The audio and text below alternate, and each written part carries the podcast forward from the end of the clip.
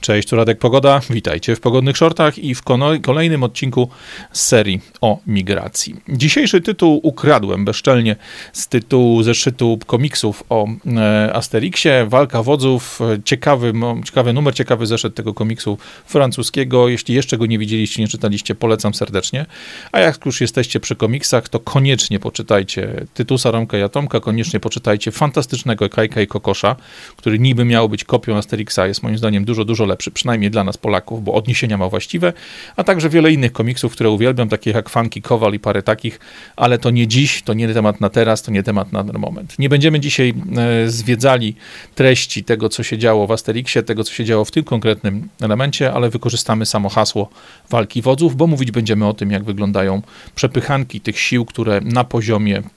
władz jednej części świata, którego dotyczy problem migracji, e, walczą z częściami świata innymi. E, skupimy się tutaj na kilku przypadkach. Zaczniemy od tego, co właśnie w tej chwili widzicie na ekranie. To, co jest przed waszymi oczami, to są świeżutkie nagrania z takiej małej mieścinki o nazwie Eagle Pass z Teksasu. Oczywiście mówimy, to co widać, to jest miejsce na brzegu rzeki Rio Grande, które akurat w tym kawałku, na tym kawałku mapy płynie prawie w pionie, czyli prawie od północnego zachodu na południowy wschód w kierunku Zatoki Meksykańskiej. E, I to, co widzicie na ekranach, to są zasieki, porządne,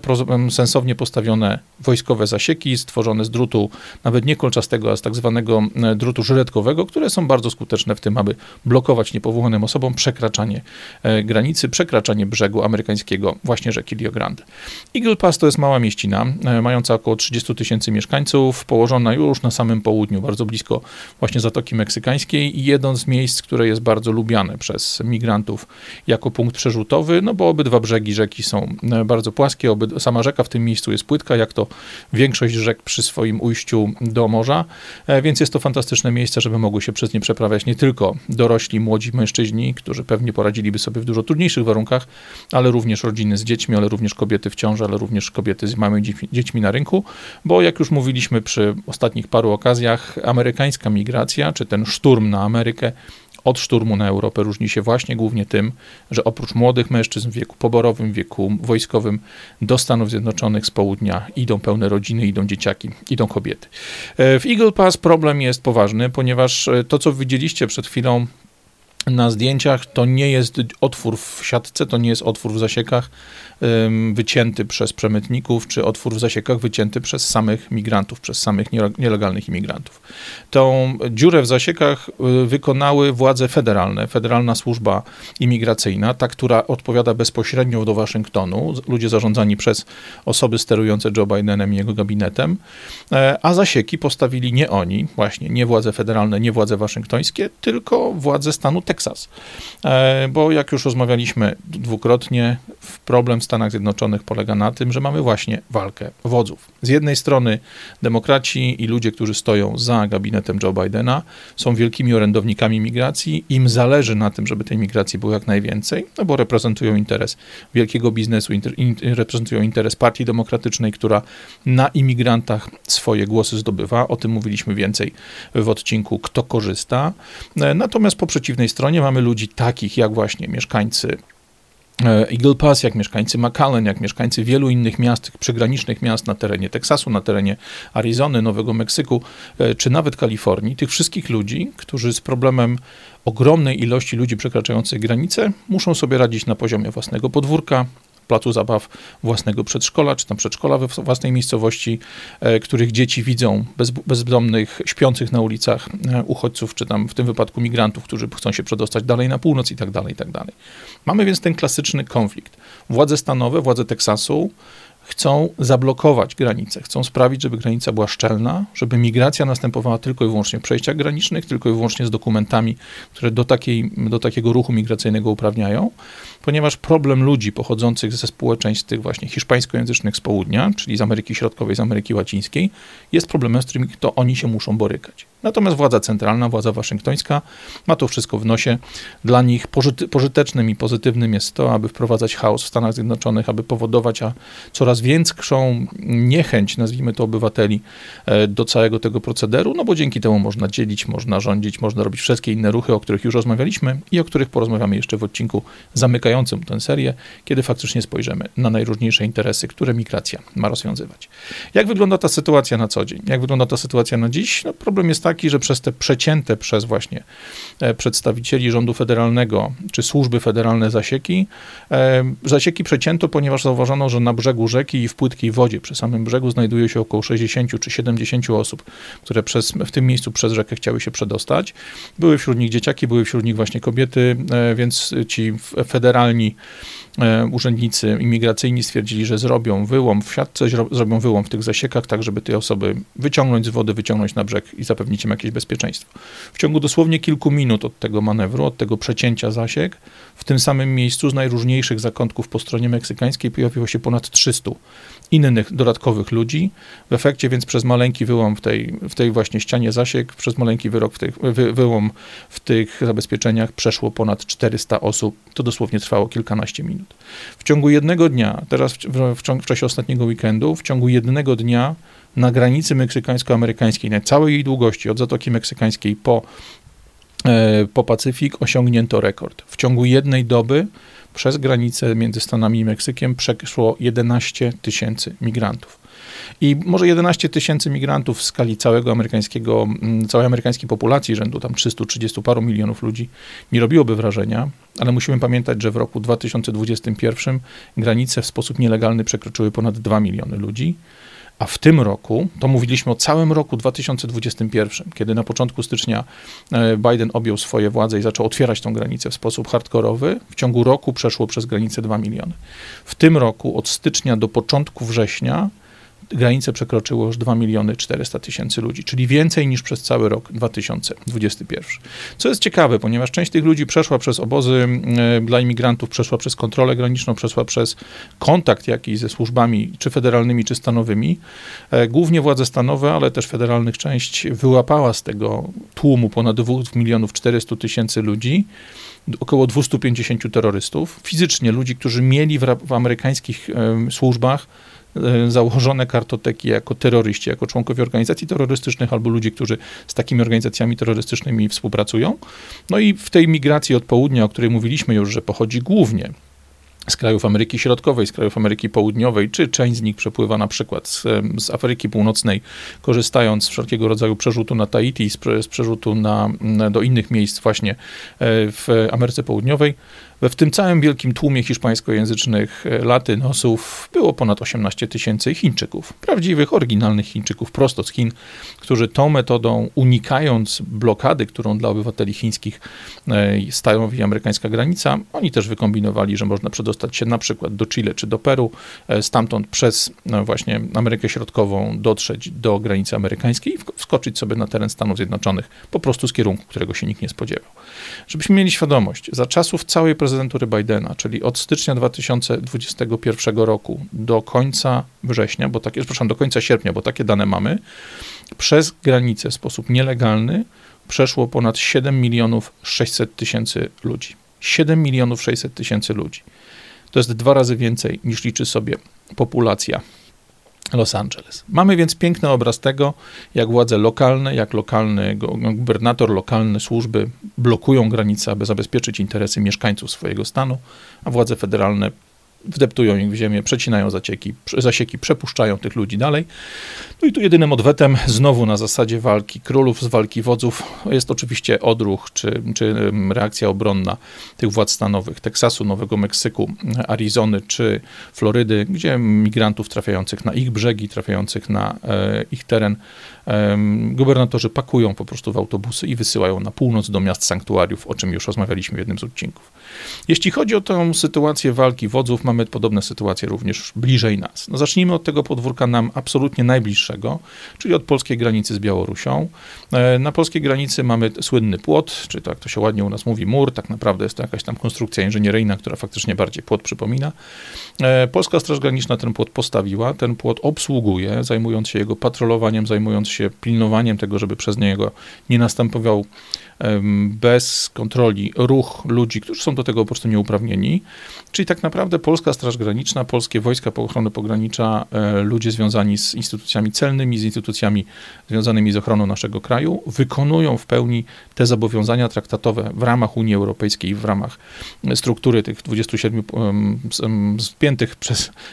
żółte gwiazdki na niebieskim tle państw. E, te zadania traktatowe wykonujemy w pełni, choć tak naprawdę moglibyśmy zachowywać się trochę inaczej. I tu znowu na pokazie, na, na zasadzie walki wodzów, Możemy się cofnąć do roku 2015,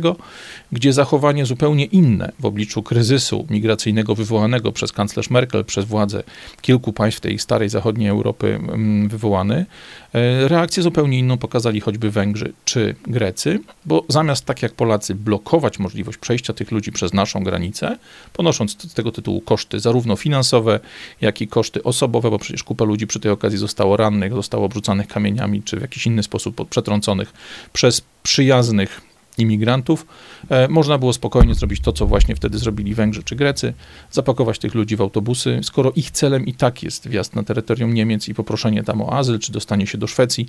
przez Polskę, no to jaki problem? Można było zrobić to, co właśnie wtedy zrobili Węgrzy, to, co wtedy zrobili Grecy, na swojej granicy wschodniej zapakować tych ludzi do autobusów, czy do, do pociągów, przetransportować na granicę zachodnią, do Gerlitz, do Frankfurtu nad Odrą, czy jakiekolwiek inne miejsce, nie wiem, Guben, czy cokolwiek innego i tam pięknie wypuścić wypuścić ich wszystkich, proszę bardzo. To jest Odra, to jest Nysa Łużycka. Po drugiej stronie tej rzeki macie już swoje uprawnione Niemcy. Tam możecie wystąpić o e, to, po co przyszliście, czyli o prawo do azylu. E, I skąd tu, możecie zapytać, ok, to skąd tutaj właśnie znowu ta walka wodzów? No, no walka wodzów następuje na linii Warszawa-Bruksela, czyli Polacy i Niemcy, bo Polacy tych ludzi zatrzymują, Natomiast mimo tego, co Polacy robią, no to wszelkiego rodzaju bandy e, przemytnicze, wszelkiego rodzaju gangi przemytnicze i tak sprawiają, że część tych ludzi, którzy dotrą przez Białoruś do polskiego płotu, udaje się prze, przez ten płot przemycić, udaje się potem przewieźć się przez całe terytorium Polski, co czym między innymi ostatnio wypłynęła informacja, zajmują się nawet aktywiści tych ruchów, które pomagają uchodźcom, e, pobierając za to niezłe pieniądze i w tym momencie ci uchodźcy lądują w Niemczech. Gdyby teraz Niemcy chcieli grać równo z polskimi władzami, zarówno z polskimi służbami, jak i z polskim rządem, to Niemcy, osoby, które dotarły w taki właśnie sposób przez Polskę do, na terytorium Niemiec, traktowałyby tak, jak nakazuje to logika, jak nakazuje to rozsądek, jak nakazuje geografia. Jeżeli państwa z, funkcjonujące w ramach traktatów międzynarodowych za uchodźcę uznają wyłącznie osobę, która uciekła z terenu zagrożonego, czyli w tym wypadku, nie wiem, mówimy o wojnie na przykład w Syrii, czy o Afganistanie, w którym takim ludziom może grozić niebezpieczeństwo, żebyś uzyskał status uchodźcy, to ten status uchodźcy przysługuje ci zgodnie z traktatami tylko w najbliższym kraju, który jest dla ciebie bezpieczny. Czyli jeżeli jestem Kurdem, który ma dzisiaj przechlapane, bo wystawili go do wiatru Amerykanie, którzy przez lata podburzali Kurdów do tego, aby ci byli kłopotem dla Iraku, dla wielu innych e, lokalnych konfliktów, czy e, człowiekiem z Afganistanu, który został tam porzuconą sierotą, która wcześniej współpracowała z amerykańskim wywiadem czy amerykańską armią i muszę uciekać, bo nad moim, na moim życiu ciąży niebezpieczeństwo, to pierwszym krajem, w którym ja mogę uzyskać e, prawo azylu politycznego, prawo bycia uchodźcą, jest na przykład Turcja. Tyle tylko, że ci ludzie nie chcą być azylantami w Turcji, oni chcą być azylantami w Niemczech, w Wielkiej Brytanii, w Holandii, Belgii, w Szwecji, w tych miejscach, miejscach, które mają świetny socjal, w których dobrze się żyje ludziom, którzy właśnie są po 2015 roku tymi ukochanymi imigrantami pani Merkel i całej ekipy, która za nimi stoi. Mamy więc do czynienia z sytuacją, że Niemcy, którzy, do których trafiają osoby, które przez Polskę, przez polską, białoruską granicę dostały się na teren właśnie Republiki Federalnej, te osoby można by spokojnie na podstawie po prostu wyjęcia spółki atlasu e, geograficznego, czy wzięcia globusa, można by tym ludziom pokazać. Jesteś obywatelem Afganistanu, Syrii, czy jakiegokolwiek innego kraju z, tamtej, z tamtego regionu świata,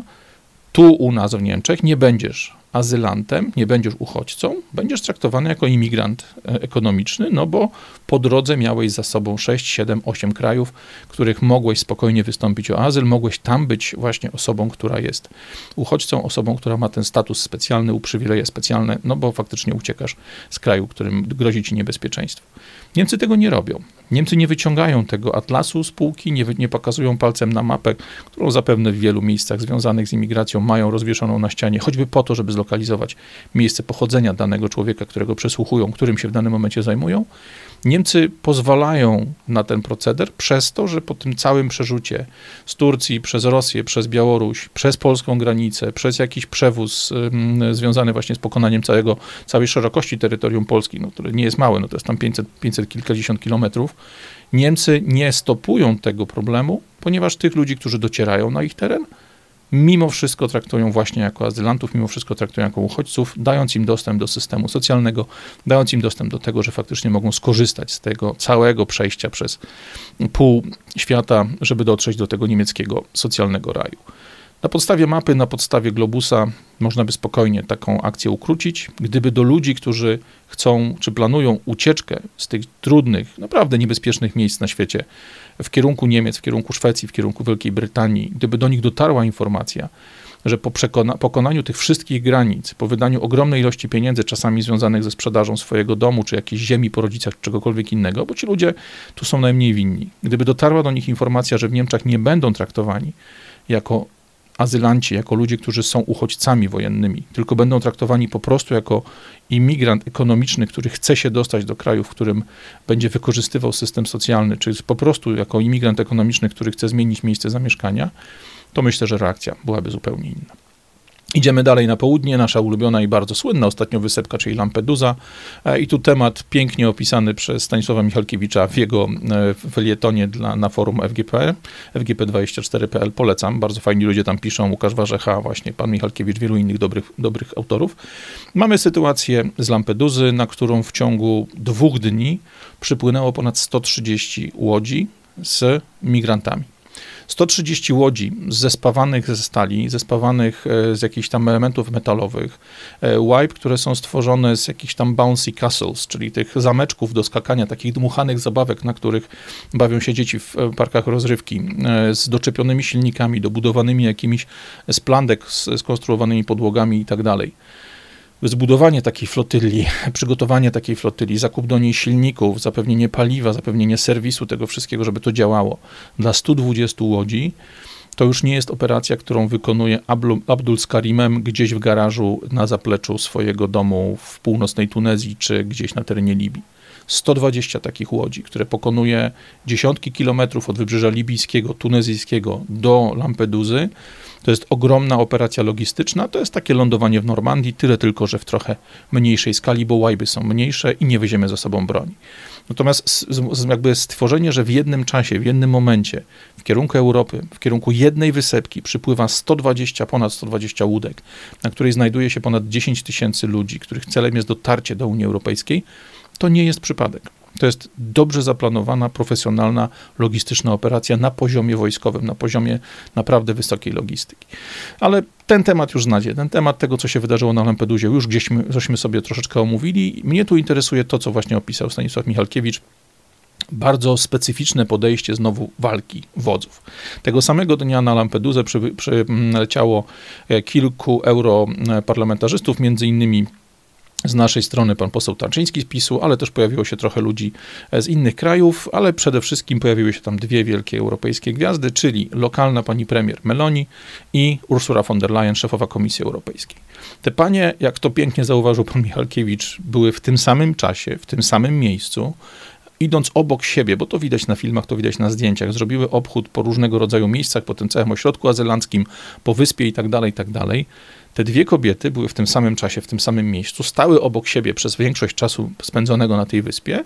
natomiast z tej samej wycieczki wyniosły dwa przeciwne wnioski. Pani premier Meloni, której problemem są te tysiąc, dziesiątki tysięcy ludzi na Lampedusie dzisiaj koczujących, ma wniosek taki, że trzeba zrobić wszystko, aby powstrzymać napływ imigrantów na Lampedusę, na Sycylię, na Sardynię, czy w ogóle na e, sam Półwysep Apeniński, na, sam, do, na granicę państwa włoskiego, bo Włochy nie radzą sobie z tym, aby z problemem migracji sobie po prostu jakoś e, ogarnąć. Tymczasem pani von der Leyen, która stała obok premier Meloni i widziała to samo, słyszała to samo, uczestniczyła w tych samych spotkaniach, w tych samych e, elementach wycieczki, miała zupełnie inny wniosek. Jej wniosek nie miał nic wspólnego z tym, że ci ludzie powinni przestać przypływać z południa, z Tunezji, z Afryki, e, z, z Libii, e, z tych wszystkich krajów, które dosyłają nam tą migrację. Jej wniosek był taki, że trzeba zająć się tym, aby jak najszybciej tych, tych ludzi rozdysponować po innych krajach europejskich, dokonać tak zwanej dobrowolnej relokacji. No, oczywistym jest, że jeżeli dobrowolna relokacja spotka się na przykład z oporem e, społeczeństw niemieckich, polskich, holenderskich czy jakichkolwiek innych, to może zamienić się w niedobrowolną. Na przykład zabierzemy komuś pieniądze z jakiegoś KPO, zblokujemy komuś wypłatę jakichś środków, które są przeznaczone na inwestycje, na wiele innych rzeczy, albo po prostu będziemy komuś kopali e, mocne doły pod jego własną pozycją polityczną na lokalnym poziomie i na poziomie Europarlamentu, no bo jesteśmy wielką Unią i możemy robić swoje. Zobaczcie,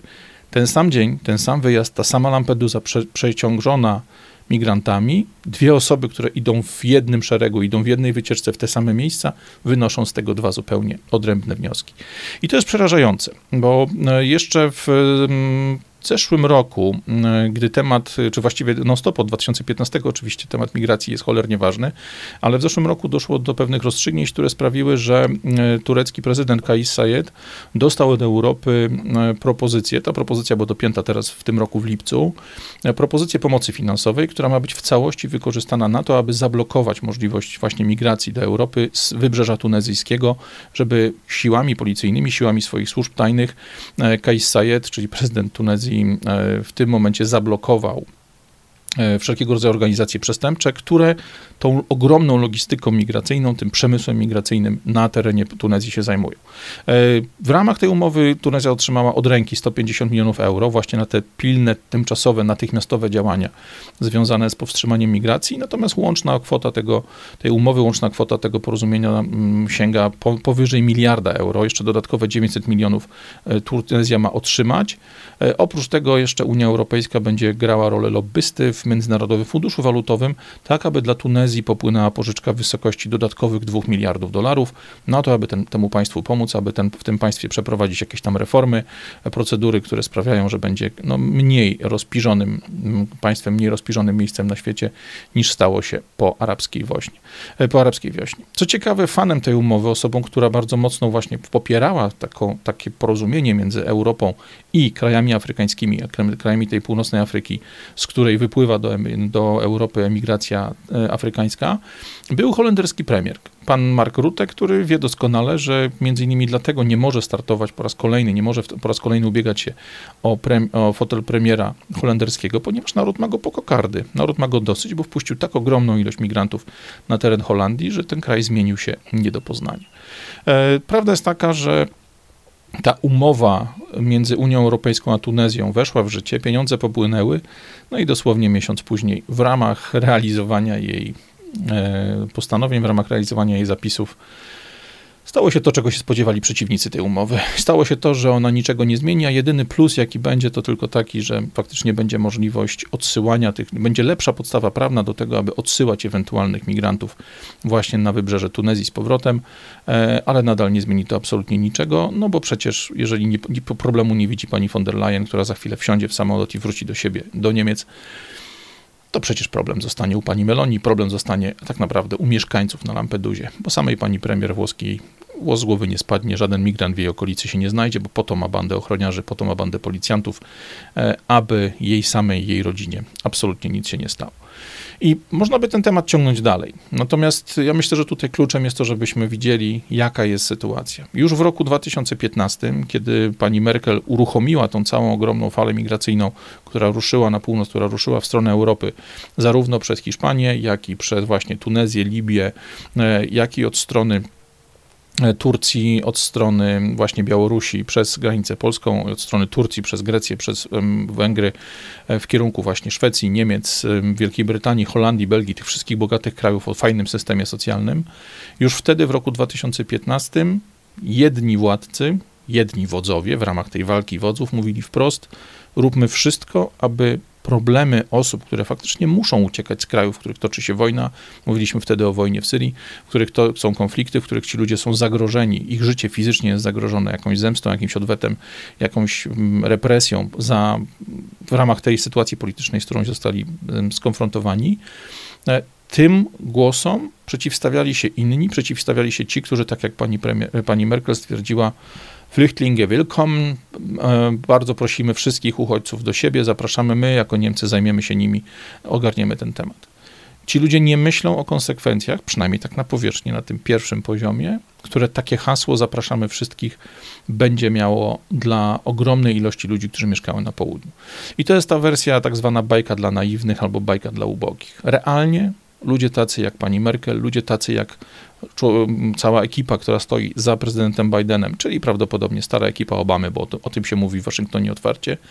ci ludzie nie robią tego przez przypadek. To, że w 2015 roku Frontex, agencja unijna, której jedynym głównym celem jest chronienie um, granic Unii Europejskiej, schowała się, jak to mówi pan Michalkiewicz, w mysiej dziurze i udawała, że jej nie ma, to nie jest przypadek. Ci ludzie z Frontexu ja zatrudniałem osobę, która we Frontexie przepracowała 5 czy 6 lat, fantastyczną dziewczynę e, z wieloma językami, naprawdę myślącą, naprawdę e, ogarniającą. E, ta dziewczyna powiedziała wprost, ta organizacja nic nie zrobiła w sytuacji, dla której została powołana. Dlatego w roku 2016 przyszła pracować do mnie, do jednej z firm, którą wtedy prowadziłem. Bo powiedziałam wprost, Frontex to jest tylko i wyłącznie zestaw biurek i zestaw przelewów z Brukseli dla paru tłustych kotów, którzy w Warszawie, bo Frontex ma swoją siedzibę swoją drogą w Polsce, dla paru tłustych kotów, którzy w Warszawie mają fajne biurka i kosmiczne pensje e, i są tak naprawdę tylko i wyłącznie listkiem figowym, którym macha się czasami albo przysłania pewne wstydliwe części ciała, jeśli wchodzi w grę rozmowa na temat polityki migracyjnej Unii Europejskiej. Tymczasem wtedy, w roku 2015, prawdziwe zarządzanie kryzysem migracyjnym przejęła z rąk Frontexu, z rąk władz unijnych Turcja, która robiła na tym biznes finansowy, która robiła na tym biznes wizerunkowy, która makabrycznie, sensownie i, i sprawnie wzmocniła swoją pozycję przetargową, pozycję negocjacyjną,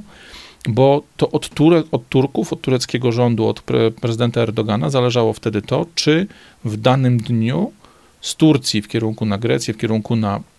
Węgry wyjedzie kilkadziesiąt ciężarówek czy kilkadziesiąt autobusów z migrantami, którzy dostali się na teren Turcji z, właśnie z Syrii czy z innych miejsc w, w Azji Mniejszej, to on sterował migracją, to on tą migrację przepuszczał. Razem z nim ramię w ramię grał Orban, grał wtedy prezydent Grecji e, i ludzie, którzy tym całym procederem zarządzali, bo ludzie ci zrozumieli, nie są w stanie zwyciężyć trzymając się zasad, trzymając się jakby traktatów, blokując przepływ tych ludzi przez granicę, jeżeli tam wyżej, po stronie właśnie Europy Zachodniej, po stronie Niemiec, Francji, Holandii, Belgii, Wielkiej Brytanii czy Szwecji jest wola przyjmowania tych ludzi, jeżeli Europa nie pomaga, jeżeli Europa nie wysyła pieniędzy, nie wysyła ludzi, nie pomaga od strony właśnie oporu, nawet choćby medialnego oporu propagandowego na to, aby zatrzymać ten proceder, aby zatrzymać ten proces przepływu ludzi na północ, ci prezydenci, ci ludzie zarządzający Turcją, zarządzający Grecją czy Węgrami stwierdzili wprost, ok, sami nie jesteśmy w stanie pokonać całą tą strukturę, więc po prostu zróbmy to, co się da, aby naszych ludzi, aby nasze terytorium, aby nasz interes narodowy, nasz interes krajowy ochronić. Pakowali więc tych migrantów w samochody, pakowali ich w autobusy, w pociągi przetransportowywali na następną granicę, bo wszyscy ci ludzie chcieli dojechać do Niemiec, do Szwecji, do Wielkiej Brytanii, czy podobne tego typu miejsca, a nie zostawać u nich w Grecji, na Węgrzech, czy choćby tak jak w tej chwili u nas Polsce. Turcja na tym zyskała. Dziś jest już regionalnym mocarstwem, o czym mówi się kompletnie bez zająknięcia, mimo tego, że jest członkiem NATO, mimo tego, że od lat nie chce być wpuszczona, czy jakby nie chcą jej wpuścić do Unii Europejskiej. Turcy mają to w nosie, grają tak samo twardo zarówno z Amerykanami, jak i z Unią Europejską, korzystając w każdej chwili z możliwości kontaktu z Putinem, z możliwości kontaktu z Irakiem, Iranem, z tymi wszystkimi sąsiadami, którzy są w grze na tym terytorium, które Turcja dzisiaj zajmuje. My też moglibyśmy taką grę spokojnie toczyć. My też powinniśmy, moim zdaniem, od wielu, wielu lat już być w bardzo bliskiej relacji z Białorusią, z kraju, który mogliśmy na miękko wprowadzić gospodarczo, wprowadzić politycznie, wprowadzić zwyczajem czy obyczajem politycznym w jakiś stan pomiędzy, takiego półświata, czy świata w pół drogi między tym rosyjskim układem siłowym, pod którym Białoruś oczywiście się znajduje, a tą z europejską kulturą, tym europejskim podejściem właśnie do współpracy zagranicznej. Moglibyśmy z Białorusinami robić doskonałe interesy, moglibyśmy dla Białorusi być świetnym kanałem na wejście do Europy, ale tego wszystkiego zrobić nam nie było wolno, bo zarówno agenci Berlina, jak i agenci Waszyngtonu na to pozwolić absolutnie nie chcieli.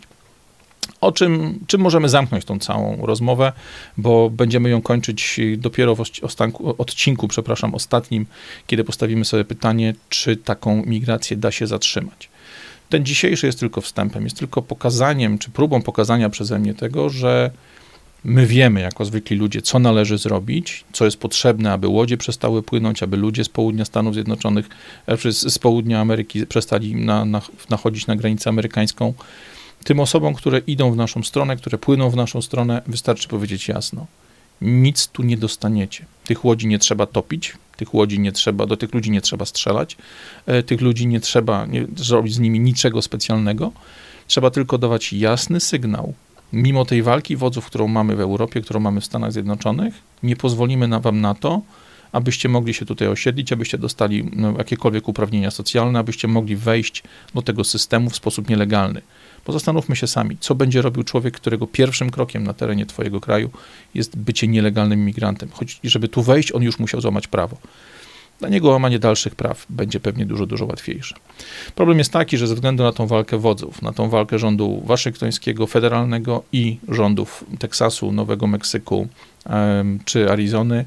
mamy sytuację, jaką mamy, że ta granica amerykańsko-meksykańska dalej jest otwarta jak brama. To samo dotyczy przejścia przez Morze Śródziemne, to samo dotyczy imigracji, która płynie przez Francję, przez Hiszpanię, przez Grecję itd., tak itd. Tak Dopóki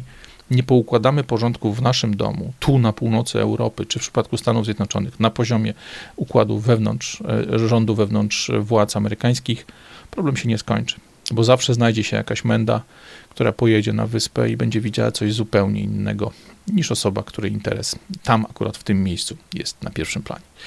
Bardzo Wam dziękuję za uwagę, za kolejny ten odcinek serii o migracjach. Jeśli możecie, polecajcie go swoim znajomym. Zapisujcie się też na listę adresową, dzięki której będę mógł Wam wysyłać na maila informacje o nowych odcinkach. No, gdyby się okazało, że ta seria migracyjna, dość drażliwa, nie tylko dla polskich polityków przed wyborami, ale w ogóle temat, którego mało kto porusza, z obiektywizmem. Jeżeli się okaże, że ta seria stanie się zbyt ciężka dla YouTube'a, to pewnie będę musiał uciekać z nim na Rumble, uciekać z nią w jakieś inne miejsce, gdzie to przejdzie, że, gdzie te filmy po prostu będą dalej mogły się pojawiać i wtedy przez YouTube'a nie prześlę wam już żadnej informacji, bo konto zostanie skasowane, ale jeżeli zostawicie swój adres mailowy na liście na stronie właśnie Pogodne Shorty, to będę w stanie wysłać Wam maila z informacją, że w tym i w tym miejscu pod takim linkiem znajdziecie najnowszy film, znajdziecie najnowszy odcinek i będziecie mogli go spokojnie pooglądać. Polecajcie też, póki jestem na YouTubie i póki te filmy tu jeszcze są widoczne swoim znajomym, wszelkie inne media społecznościowe też bardzo cenię. Chciałbym, żeby te informacje poszły jak najszerzej, a myślę, że temat jest ważny i prawie nikt o nim nie rozmawia w sposób inny niż o aferze wizowej albo jakichś pojedynczych frankach sterczeskich biegających z reklamówką Ikei gdzieś pod białoruską granicą. Temat jest poważny, temat jest tak istotny, że może zmienić przyszłość i naszą, i naszą emeryturę, i przyszłość naszych dzieci i dzieci naszych dzieci. Może doprowadzić do sytuacji, w której Stanów Zjednoczonych nie będzie, w których nie będzie, w której nie będzie Europy Zachodniej, jaką znamy, w których okaże się, że będziemy musieli z własnych domów uciekać, bo sytuacja dookoła nas niczym nie będzie się różniła od sytuacji w dzisiejszej Syrii czy na wschodzie Ukrainy, bo po prostu dojdzie do konfliktów lokalnych. Tyle z mojej strony. Dziękuję Wam bardzo. Radek Pogoda. Trzymajcie się. Cześć.